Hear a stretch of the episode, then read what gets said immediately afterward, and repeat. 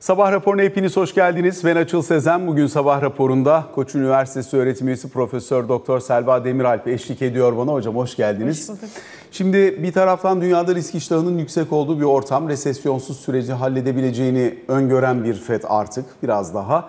Belki bir faiz artırımı daha olabilir ama çok da ciddi bir istihdam kaybı olmadan bir miktar olabilir ama çok ciddi bir istihdam kaybı olmadan bu süreci yönetebiliriz diyor. Piyasalar da bunu kutluyor. S&P 500'de ve Nasdaq'ta 5. aydır üst üste yukarı yönlü hareket söz konusu.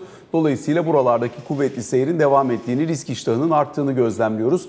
Bununla birlikte örneğin altın fiyatlarına baktığımız zaman Mart'tan bu yana en iyi ayını geride bıraktığını söyleyebiliriz. Resesyon olmayacaksa diye başlayan cümlelerle petrol fiyatlarının ciddi şekilde yukarı kaymaya devam ettiğini, Temmuz ayında sadece %16'lık bir yukarı yönlü hareketle Ocak 2022'den bu yana en kuvvetli performansını gösterdiğini gözlemliyoruz. Dolayısıyla dünyada risk iştahı yüksek, emtia fiyatlarında da o daha önce resesyon korkusuyla yaşanmış olan ciddi gerilemenin en azından bir bölümünün geri alındığını gözlemliyoruz. Çin hala yavaş. Bugün Çin'den gelen Keksen e, e, imalat piyama endeksine baktığımız zaman oranın da yine daralma e, bölgesine doğru gittiğini gözlemliyoruz ki yine Çin'in toparlamasının yavaş olduğuna dair sinyaller var elimizde. İçeriye dönüp baktığımız zaman Türkiye'de Özellikle sıkılaşmaya dönük önlemler gelmeye devam ediyor.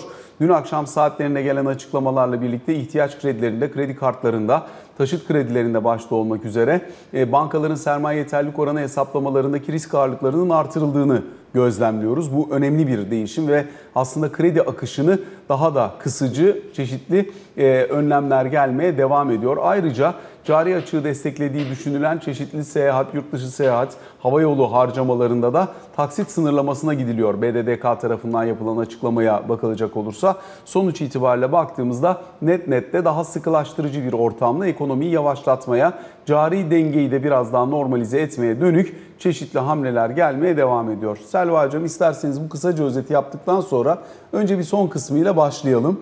Çünkü hakikaten önce faiz artırımı, ardından ikinci faiz artırımı, arada mikro ihtiyatiye önlemlerin yavaş yavaş tersine çevrilmesi, buralardaki ihtiyaç kredilerini, bireysel kredilerini, kredili mevduat hesapları ki buralar özellikle dolara gidişi e, önemli ölçüde etkileyen faktörlerdi ya da harcama iştahını kapasitesini de artıran alanlardı. Kredi kartı harcamaları bunların hepsinin risk ağırlığını artırıyor BDDK. E böyle olunca ister istemez kredi büyümesini o rahatsızlık duyulduğu enflasyon raporu toplantısında da Merkez Bankası Başkanı tarafından ifade edilen kredi büyümesini biraz daha normalleştirmeye dönük önlemler gelmeye devam ediyor. Evet, e, yani benim ilk yorumum şöyle olsun. Yani Merkez Bankası'nın ben e, enflasyon raporu toplantısında da Başkan Erkan'ın şu sinyalini aldım. Ne yapmamız gerektiğini biliyoruz. Problemin farkındayız. Oldukça gerçekçi de bir hedef konmuş. Fakat e, çok da fazla agresif bir şekilde faiz aracını kullanamayacağız. Dolayısıyla o zaman ne yapabiliriz'i düşünmeye başlamış Merkez Bankası ve BDDK ile de bu son gelen adımla artık aynı yönde, aynı sayfada olduklarını görüyoruz. Yani iki türlü değerlendirebiliriz. Bir tanesi faizleri düşük tutmak. Malum insanlar ne yaptılar? İşte e, arabayı yatırım aracı gibi düşünmeye başladılar. Taşıt kredileri büyük ölçüde bu talebin de bir parçası oldu. Ve o fiyatlarda ciddi bir çarpıklık yarattı. Bir taraftan sizin de dediğiniz cari açı tabii ki olumsuz etkileniyor. E, o zaman oradan bir sıkılaştırma yaparsak belki bu düşük faiz politikasının yarattığı en azından fiyatlardaki çarpıklığı da bir nebze törpüleriz diye düşünülüyor. Ama o zaman hani ideal senaryoda eğer bunun e, altında yatan tetikleyici düşük faiz politikasıysa e, ben bir akademisyen olarak tabii bana söylemesi kolay ama derdim ki o zaman niye faizleri daha e, bu soruna yaratmayacak seviyelere çekmiyorsunuz? Hadi onu bir kenara bırakalım. Bir diğer açıklamada şu olabilir ki bu daha mantıklı. Faizi istediği yere, optimal seviyeye çekemediği için Merkez Bankası bu alternatifleri düşünüyor. Ama yine de çok eleştirici olmak istemiyorum. Olumlu tarafları var tabii ki. Çünkü gerçekten de nihai amaç belli. Sıkılaştırma gerektiğini biliyorlar. BDDK'yı da kendi taraflarına çekmişler. Ee, ama literatürde de şu var ki yani muadil değil. Yani makro ihtiyati tedbirler para politikasına muadil değil. Eğer siz sıkı para politikasına geçtiyseniz ve bu ilacın yarattığı yan etkiler varsa genelde makro ihtiyati tedbirler orada devreye giriyor. Onun yapamadığını yapayım diye ama zaten sizin gittiğiniz yol ekonomiyi yavaşlatmaksa ve genelde bütün kredilerde bir yavaşlama gerekiyorsa onun en etkili ilacı zaten faiz. O zaman onu yapmanız gerekirdi. Burada biraz seçicilik var. Ee, mesela dokunmadığımız krediler var. O zaman onları biz niye arttırmak istiyoruz? O enflasyon yaratmayacak mı sorusu benim aklıma geliyor mesela. Şimdi tabii orada e, selektif kredi politikasının devam ettiğini, bundan sonra da devam edeceğini anlıyoruz. Evet. Dolayısıyla hani yatırıma döneceği düşünülen veya çok yoğun istihdam kaybıyla sonuçlanabilecek alanlarda e, bir miktar daha korumacı yaklaşım sergilendiğini anlıyoruz. Sorun san, sanki e, biraz şurada da olabilir mi? Yani sorun derken tercih farklılığı. E, Normal şartlar altında eğer kredilerde piyasa durma aşamasına gelmiş. Yani kimse kimse kimseye kredi vermiyordu. E, Şimdi e, mevduat faizlerindeki yükseliş ve kredi faizlerinin üstündeki sınır da buradaki temel faktördü.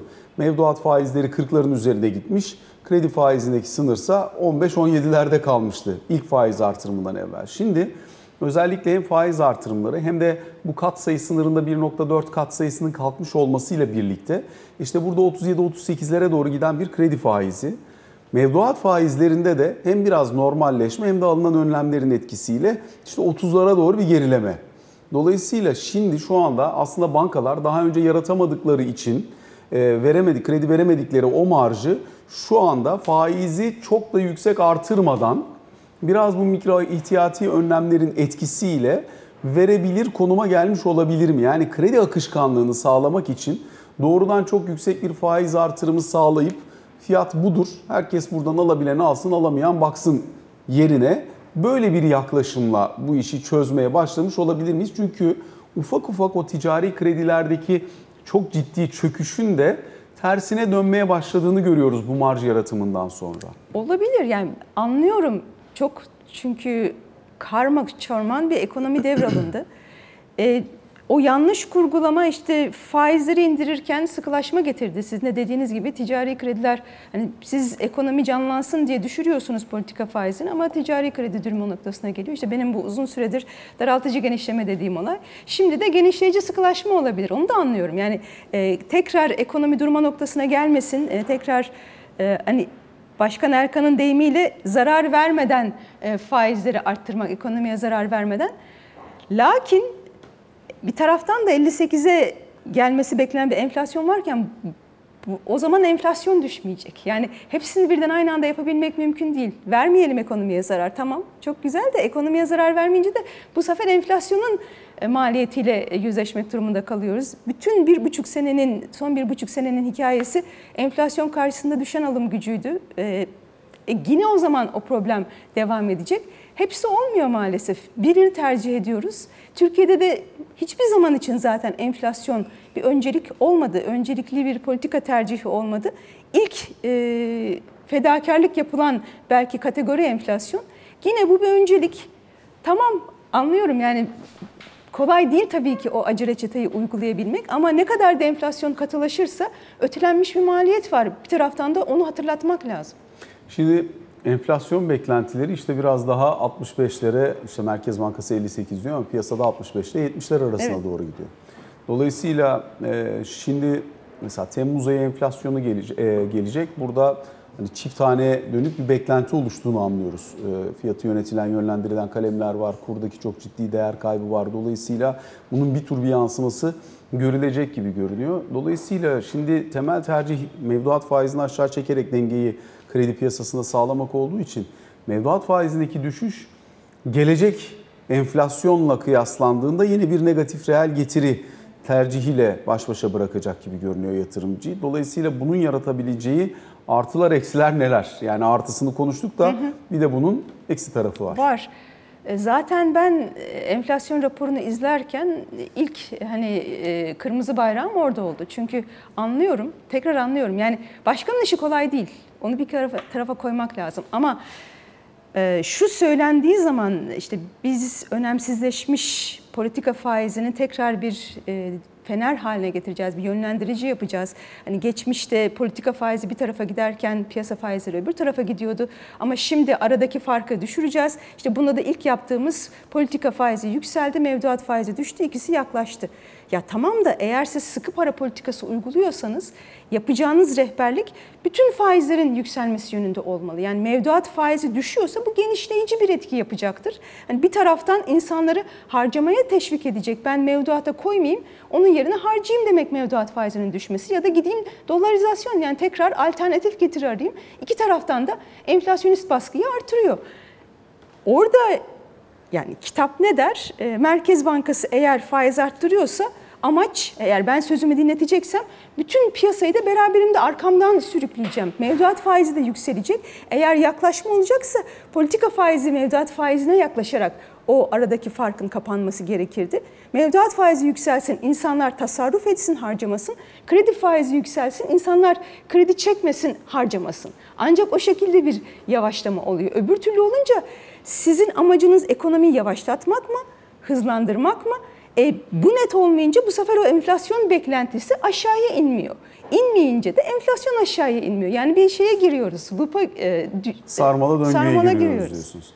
Şimdi bu tabii çok e, şöyle bir fark da var. Mesela daha önceki dönemde döviz bir tercih olabilir. Eğer mevduat faizi düşüyorsa dövize gitmek bir tercih olabilir.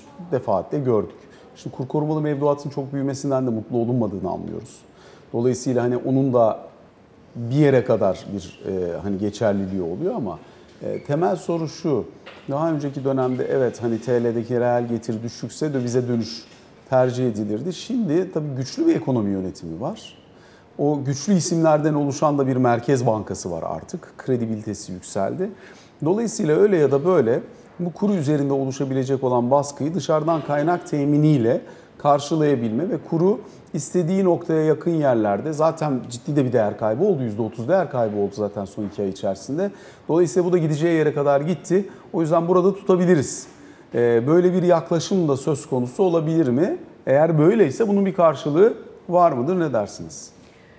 Ee, şunu düşünüyorum. Evet Merkez Bankası'nın şimdi kredibilite kazanması çok önemli. O kredibilitenin ne kadar erozyona uğradığını biliyoruz. Onu da iki şekilde Merkez Bankası kazanabilir. Bir ben kolay kazanımlar diye düşünüyorum. O hani ağacın alt dallarında kolay koparabildiğiniz meyveler. Bir de zor olan. Şimdi kolay olanlar ne? Bir kere e, gerçekçi tahminlerle Merkez Bankası'nın masaya oturması. İşte onu da o %58'lik tahminde görüyoruz. %22 gibi artık kimsenin ciddiye almadığı bir tahminden, kimsenin artık izlemeyi bile bıraktığı enflasyon rapor toplantılarından birden biz daha gerçekçi tahminlere e, sözünü dinleyip ha evet böyle olması gerekir ben de aynı fikirdeyim dediğimiz söylemlere döndük. Bunlar kredibiliteyi arttırıyor.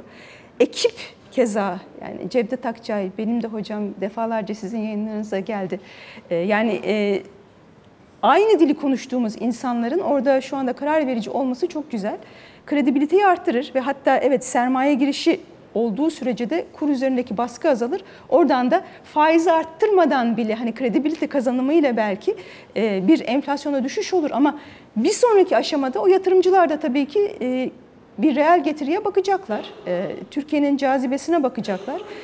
Ama şu andaki düşük faiz seviyesiyle ne kadar sermaye girişi olabilir? Ondan e, çok emin olamıyorum. Evet CDS düştü. Yani bir miktar giriş olacaktır ama bir sonraki aşamada bence tekrar e diyecekler. E, gerek kısa vadeli gelecek olanlar gerekse hele de doğrudan yatırımlar. Onlar daha fiyat istikrarına da odaklanacaklar. Ama Merkez Bankası'nın ben şunu söylediğini düşünüyorum. Yine hani kredibiliteyi arttırır o. E, yani enflasyonu çok fazla düşürmemizi beklemeyin diyor açık açık demişler zaten. Ee, yani ve gelecek senenin sonunda 33 beklentisi. Yani 2024 sonu 33.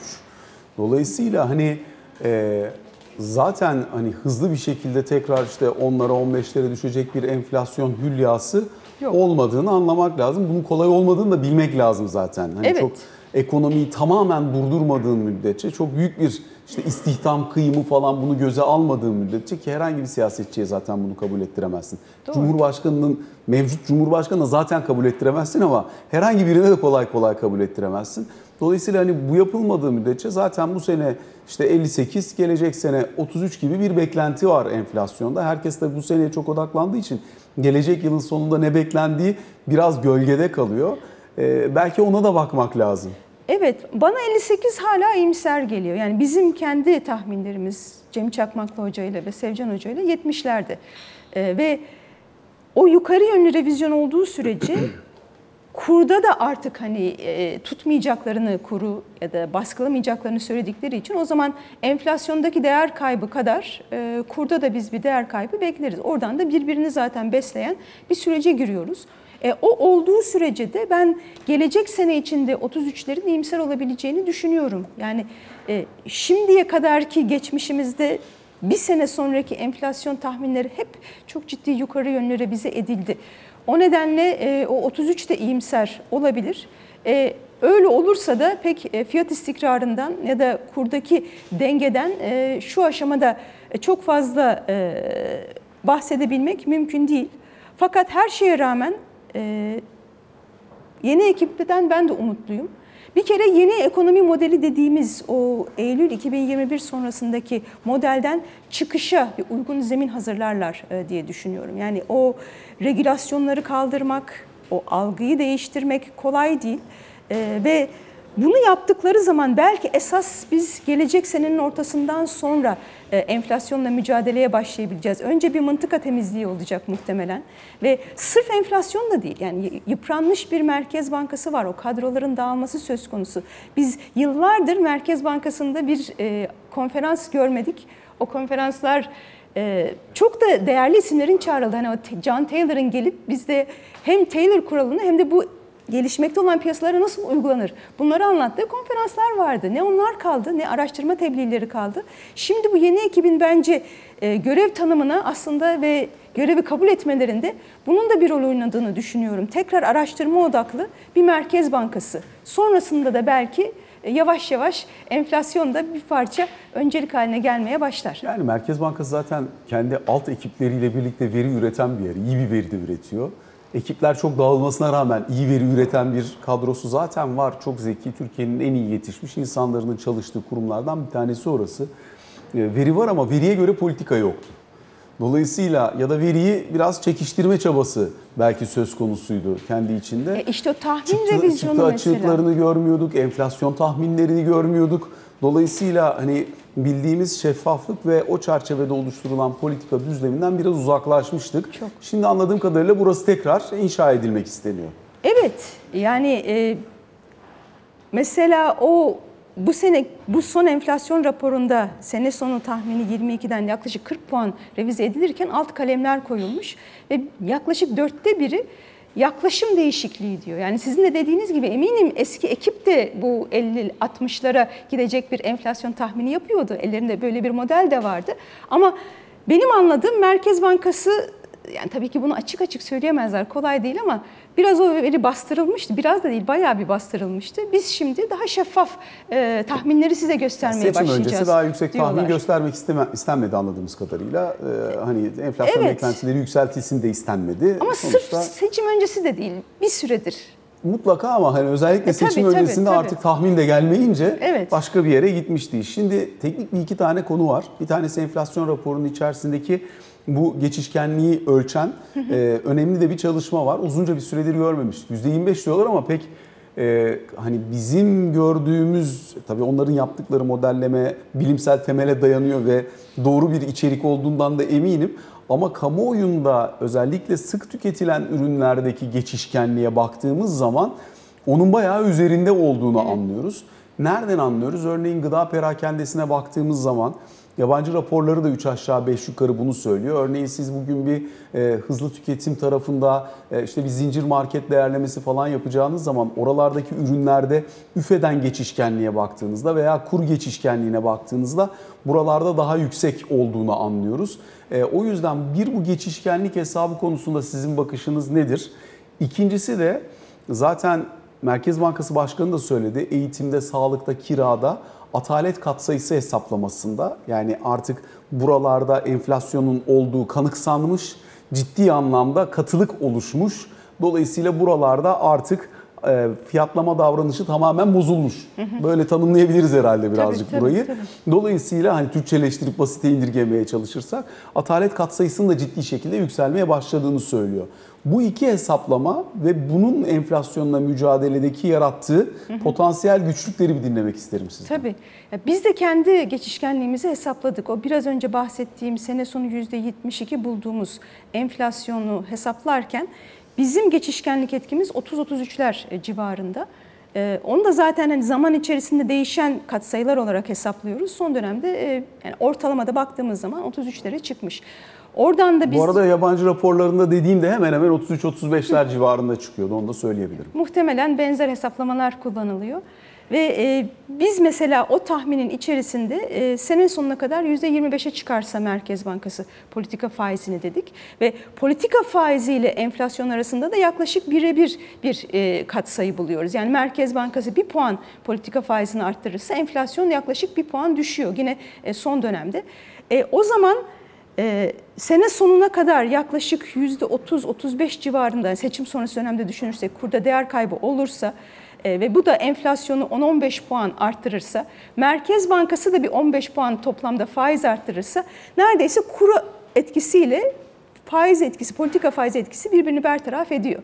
Bunun üstüne işte o asgari ücret zamları diyelim, e, işte vergiler diyelim, akaryakıt zamları diyelim hepsini eklediğimiz zaman da 72'lere çıkıyoruz.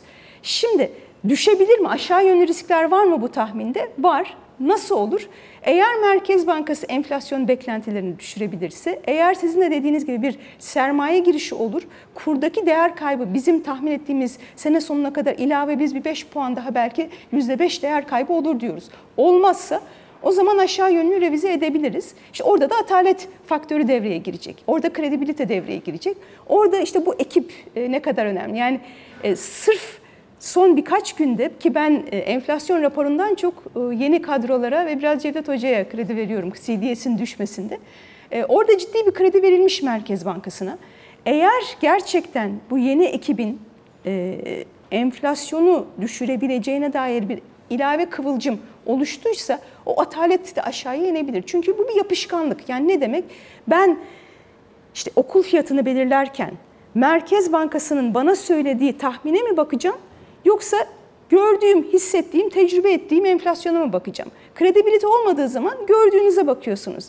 Ne kadar Merkez Bankası'na inanırsanız ya bunu bir kenara bırakayım da bu sefer galiba bu işi becerecekler. 58 de çok da gerçek dışı bir tahmin değil. E, ona yakın bir tahminde mi bulunayım diyorsunuz. Bunu becerebildiği ölçüde Merkez Bankası en büyük başarı olacak zaten. Faiz de değil, iletişimle o yapışkanlığı kırmış olacak. Peki hocam ama bir taraftan da şöyle problemler var. Mesela ücret dengesini hesapladığınız zaman e, şu anda işte en son tabii herkesin çok ihtiyacı var. Kimsenin aldığında gözümüz yok ne olur yanlış Tabii ki, yok, anlaşılmasın. tabii ama ki. mesela memurlara yapılan çok yüksek e, maaş artışı herkesin beklentisini çok yukarı çekmiş oldu. Yani şimdi mesela yılbaşında emekliye muhtemelen çok kuvvetli bir beklenti ortaya çıkacak. İşte 12-13 milyona e, varan bir emekli sayısı olacak. Dolayısıyla yerel seçim geliyor. Bunun öncesinde kuvvetli bir emekli maaş artışı beklentisi var. Toplu sözleşme yapanlar da bugünden yarına işte hani %150, %170, %200 falan zam beklentileri oluştuğunu anlıyoruz işçi kesiminde. Diğer taraftan dönüp bakabilirsiniz yani hemen hemen toplumun bütün kalemleri, şimdi mesela tekrar memur, e, işçi, toplu sözleşme dönemleri geldiğinde her seferinde bir geçmiş enflasyonu zaten vereceksin ama onun ötesinde bir de gelecek enflasyonu da bana vermen lazım ki ben hak kaybetmeyeyim. Çünkü sen geçmiş enflasyonu kompanse ettiğin anda ben önümüzdeki 6 ay boyunca ki 6 aya indi artık zam süreci. Önümüzdeki 6 ayda ben para kaybediyorum. Sürekli alım gücüm ayda 3 puan 4 puan enflasyon üreten bir ekonomide her ay 3-4 puan azalıyor. E sonunda ben gelirimin dörtte birini 6. ayın sonunda e, kaybetmiş oluyorum üçte bir ile dörtte biri arasını. O yüzden gelecekteki enflasyonu da ver ki benim hak kaybım olmasın. Artık biraz buna dönmüş durumda. Biz 2002-2005 arasındaki dönemde bunu kırmayı enflasyonu çok hızlı aşağı çekerek başarmış. Daha sonra da demiştik ki artık geçmiş enflasyona değil, gelecekteki enflasyon beklentisine göre bütün maaş zamları yapılacak. Ve özel sektör de buna enflasyon tek haneye doğru yaklaştığı için İnandım. omuz vermiş Sonucunda artık biz 2007'den itibaren işte 2018-2019'a kadar geçen süreçte öyle bir döneme girmiştik. Şimdi buraya gelme imkanı var mı? Nasıl var? Ne kadar var? Ya çünkü bir yerde evet durduk demek lazım herhalde ama oraya da daha var gibi görünüyor. %60, %70 enflasyonla ben farkı vermiyorum diyemez hiç kimse. Diyemez tabii. Yani enflasyon ücret arasında bir sarmal var. Bunu inkar edemeyiz ama sizin de dediğiniz gibi buradan çıkacak sonuç o zaman ücret zammını yapmayalım değil. Buradan çıkacak sonuç o zaman enflasyonu kontrol edelim olmalı. Onun için ben e, hep enflasyonla mücadelenin öncelik olmasını söylüyorum. Çünkü enflasyondan en çok ücretliler, sabit gelirliler olumsuz etkileniyorlar. Ama nasıl yapacaksınız bunu? Hani sizin de dediğiniz gibi bir kere enflasyonun düştüğünü görmeden o enflasyon beklentisine göre fiyatlama yapılmıyor. Yani onu bir sene yaparsınız ya da şu anda yapalım deseniz eğer bir sonraki dönemde o beklenti Merkez Bankası'nın verdiği söz tutulmazsa bir daha hiçbir kredibilite kalmıyor. Bir daha da zaten insanlar o Merkez Bankası'nın tahminine göre fiyatlama yaparsa ne kadar mağdur olduğunu görüyor. Ee, son mesela FED toplantısında Powell'a da bu soru soruldu. O da önemli. Yani e, dendi ki işte e, ücret, e, reel ücretler e, ve e, enflasyon arasında bir pozitif ilişki var. Bu konuda ne düşünüyorsunuz? O da aynı şeyi söyledi. Bizim kimsenin e, reel getirisinde gözümüz yok. Tabii ki herkesin reel getirisi olması lazım. Ama biz ileriye yönelik olarak e, bu ücretlendirmelerin enflasyon beklentisine göre yapılmasını söylüyoruz ve size de söz veriyoruz. O enflasyon beklentisi düşecek. Şimdi Powell bunu söylediği zaman hele de şimdi 9'dan işte 3.8'lere düşmüş PCE enflasyonu. Ona inanabiliyorsunuz. Çünkü biliyorsunuz ki eğer şu anda 3.8 ise Fed de sene sonunda 2.3 olacak diyorsa artık o trende girmiş. Dolayısıyla eğer ben ücret artışlarımı 2.5 yaptım diyelim mağdur etmeyeceğim çalışanımı diyebiliyorsunuz. Bizde henüz öyle bir güven ortamı oluşabilmesi için çok çok erken. Daha bir rüştünü ispat etmesi lazım Merkez Bankası'nın. Ama bu sene olmayacak belli ki. 60'lar belki daha üstü olacak. Kayıp diye bakılıyor bu seneye gördüğümüz kadarıyla. Evet, bu sene daha bir hasar tespiti, çıkış politikaları. Yani o, o yeni ekonomi modeli gerçekten bir buldozerle geçer gibi belki ekonominin üstünden geçti. Hafif hafif tekrar parçalarını yerine koyma dönemi olacak belki bu sene. Belki gelecek seneden itibaren en azından bu sene %60'larda tutulabilirse enflasyon. Çünkü şu anda piyasa beklentileri daha yukarıda ama bir 10 puan belki aşağıda tutabilmeyi becerirse Merkez Bankası onu bu senenin belki kazanımı olarak alıp çok da daha fazlasını beklememek lazım. İleriye yönelik olarak o zaman gelecek senede halen 33'te tutuyorsa belki o zaman o kazandığı kredibiliteyle e, ücret artışlarını da o seviyelerde tutmak mümkün olabilir. Şimdi Merkez Bankası'nda ciddi bir kredibilite oluştu. Çünkü isimler çok kuvvetli biraz önce konuştuğumuz gibi. Piyasayla aynı dili konuştuğunda emin olduğumuz bir ekonomi yönetimi var şu an itibariyle. Herkesin tanıdığı, piyasada yerli yabancı herkesin bildiği isimler var. Bu kredibilitenin varlığı çok önemli ve değerli. Şimdi biraz hani yabancıların deyimiyle deliver etme zamanı ya. E, neyi deliver etmek? Verilen hangi sözü ya da hangi vaadi yerine getirmek? Hangilerini önceleyerek hamle yapmak gerekir. Çünkü eğer bu kadar kredibilitesi yüksek bir yapıya e, taahhüt yerine getirme konusunda yeterli zaman tanınacak ama eğer sonuç alınamayacak olursa e, bunun yaratabileceği soru işareti bu ekip gelmeden öncekinden daha büyük olma riski de barındırabilir. O yüzden ne dersiniz? Neleri önceliklendirmek lazım? İlk aşamada ilk verilen söz bir kere o 58'in tutulması lazım. Ben onun bile çok da kolay olmadığını düşünüyorum. Ee, sonrasında ne yapılacak? Ee, benim tahminim e, ve umudum e, daha e, serbest bir ortam olması. Merkez Bankası'nın daha e, araştırma odaklı o araştırma raporlarının e, tekrar gündeme gelmesi olacak. E, ve e, Sonrasında da umuyorum e, sermaye girişini görmeye başlayacağız. Ama e, halen e, tabii elinin rahat olmamasından dolayı Merkez Bankası'nın bir takım muğlak ifadeler söz konusu. İşte e, bütünsel yaklaşım e, denmesi ya da e, işte kademeli olarak faiz artışlarına gideceğiz denmesi. Mesela ben bu açıklamayı zayıf buluyorum. Ve o benim gözümde Merkez Bankası'na kredibilite kaybettiriyor. Çünkü eğer siz ki Merkez Bankası bunu tabii söylemek durumunda enflasyonla mücadele edeceğiz. Bu bizim önceliğimiz deniyor. E, o zaman e, doz artışı yapa yapa gidilmez. Önden yüklemeli bir faiz artışı yapılır ki piyasalar sizin samimi olduğunuz inansın. Ya da e, sabit tutarsanız giderek azaltırsınız dozunu. E, çünkü eğer siz baştan işte 6,5 puan yaptınız, sonra 2,5'a düşürdünüz, sonra 10 puan yapayım derseniz şu oluşacak. Eyvah demek ki Merkez Bankası daha önce göremediği bir enflasyon tehlikesi var ki, ekonomide bir tehdit var ki e, yollu doz artımıyla gitti. E, o zaman enflasyon beklentisini düşüremezseniz yukarıya atar. Halbuki o onu baştan yapsaydınız baştan enflasyon beklentisini aşağıya çekebilme Nerede şansınız görüyorsunuz vardı. faizli zirveyi? 20'ler bence e, bu senenin sonunda Zirvelerin başı mı sonu mu? e, bu seneyi 20 ile bitiririz gibi geliyor.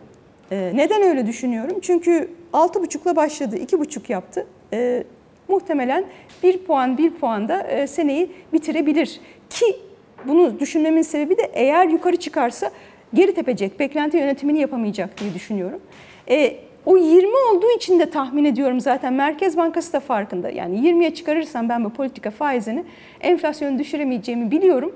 Onun için de zaten size çok iyimser bir enflasyon tahmini veremiyorum e, diye e, en azından yapabileceği ile e, tahminini uyuşturmaya çalışmış. Oradan bir kredibilite kazanımı yapmaya çalışıyor. Selva Hocam çok teşekkür ediyoruz. Ben Bu sabah teşekkür bizlerle birlikte olduğunuz ve sorularımızı yanıtladığınız için sabah raporunun ilk bölümünü böylelikle tamamladık. Kısa bir ara sonra Ali Can Türkoğlu ile ikinci bölümde karşınızdayız.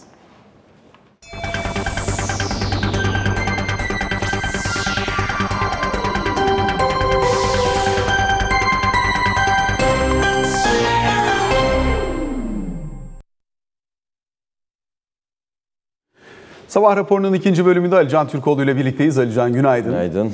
Bir taraftan dün de biraz konuşmuştuk. Memura toplu sözleşme ile ilgili süreç bugün itibariyle başlıyor. Beklentiler nerelerde şekilleniyor? Ee, bugün öğleden sonra başlayacak 14'te. Ee, Çalışma Bakanlığı memur senin dışında memur sen yetkili. Ama memur senin dışında e, KESK ve kamusal temsilcilerini de davet etmiş. E, zaten beklenti uzlaşmayla bu işin sonuçlanacağı yönünde Ankara'nın beklentisi. E, bir ay boyunca e, sürmesi bekleniyor. Ay sonuna kadar sürecek gibi gözüküyor. 129 maddelik bir teklif vardı. Detaylarını daha önceden aktarmıştık. Bütün ince detaylarına girmeyeyim ama özellikle memurun kamu işçisinden daha az almaması gerektiği ve artık bu enflasyonist ortamda 2 yıllık e, zam düzenlemesi veya zam toplantısı yapmanın da e, belirli bir noktadan sonra anlamsızlaştı. Dolayısıyla dilimleri 3 ay 3 ay olarak belirleyelim 2024 yılı için diyor. 2024 yılı için %70'lik bir talep var. 2025 için %40. E, işte kira yardımının devam etmesi, emekli memurlara işte yine aile yardımının e, ve kira yardımının devam etmesi gibi talepleri var. Bugün başlayacak Aç- açıklamaları da göreceğiz ilk açıklamaları. Ama e, hükümetin e, amacı süreci uzlaşmayla tamamlamak yönünde bir orta yol bulunacak mı bulunmayacak mı göreceğiz ama gün içinde.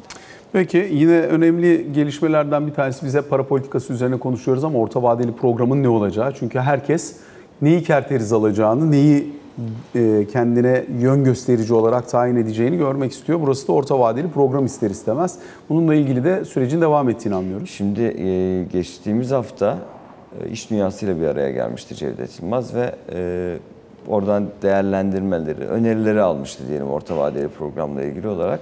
Şimdi görüşmeler devam ediyor. E, Dün mesela e, Cumhurbaşkanı Yardımcısının e, Memur Sen ve Kamu Sen Genel Başkanlarıyla e, bir araya geldiğini görüyoruz. İşte sadece toplu sözleşme tarafı değil aslında bir yandan da bunun devam ettiğini anlayabiliyoruz. Görüşmelerinin bugün de e, Türk İş, Ak İş ve Disk'le bir araya gelecek e, Cevdet Yılmaz bendeki bilgiye göre. Bu kapsamda da işte önce iş dünyasından görüşler, öneriler alındı. Yanlış hatırlamıyorsam kabine öncesiydi diye hatırlıyorum o süreci.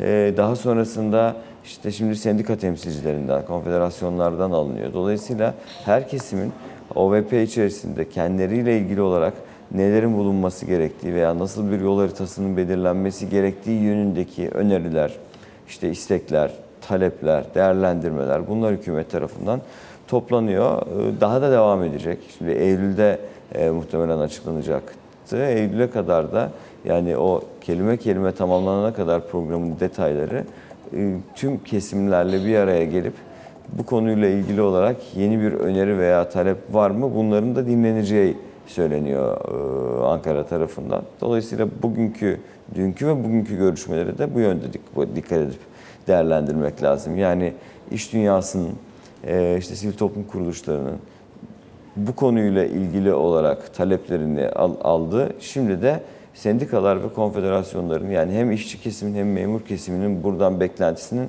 ne olduğunun e, yapıldığı toplantılar devam ediyor. Devam da edecek gibi gözüküyor.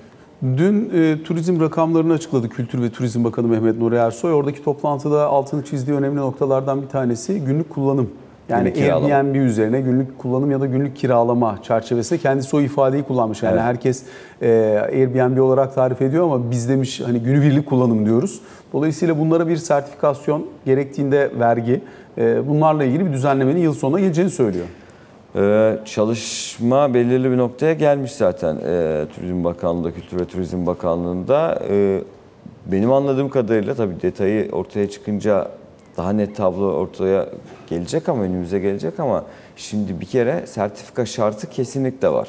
Yani bu günlük kullanım, günlük kiralamaya verilen evlerle ilgili olarak rekabeti etkilemesi amacıyla diyor Kültür Bakanı Bakanlığı yetkilileri de. Galiba bakan da aynı cümleyi de kullandı.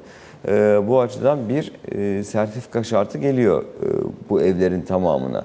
İki, e, kimlik bildirimi zorunlu hale geliyor. Yani bu evleri kiralayanlar, tutanlarla ilgili olarak bir kimlik bildiriminin de otellerde olduğu gibi zorunlu hale geleceği söyleniyor. Bir diğeri de konaklama başına bir vergi e, alınacağı.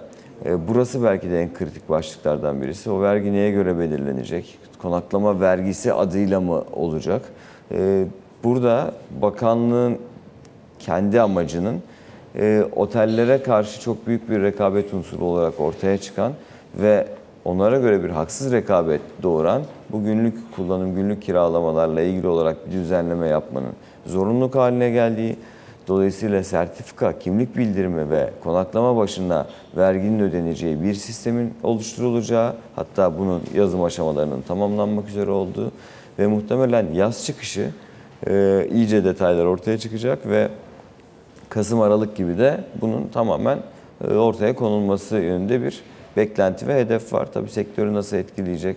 E, Bu yöndeki girişimler yani hükümetin yapmış olduğu, atmış olduğu bu adım e, bu günlük günlük kiralama işine nasıl bir sekte vuracak, nasıl etkileyecek? Tüm bunlar önümüzdeki günlerde daha detaylı ve daha ayrıntılı şekilde konuşulacak bir mevzu ama dediğim gibi bakanlık bunun çalışmasını zaten başlatmış. Muhtemelen Kasım Aralık gibi de kamuoyuyla tüm detayları paylaşacaktır. Teşekkür ediyoruz Alican. Sabah raporuna böylelikle son noktayı koyuyoruz. Hoşçakalın.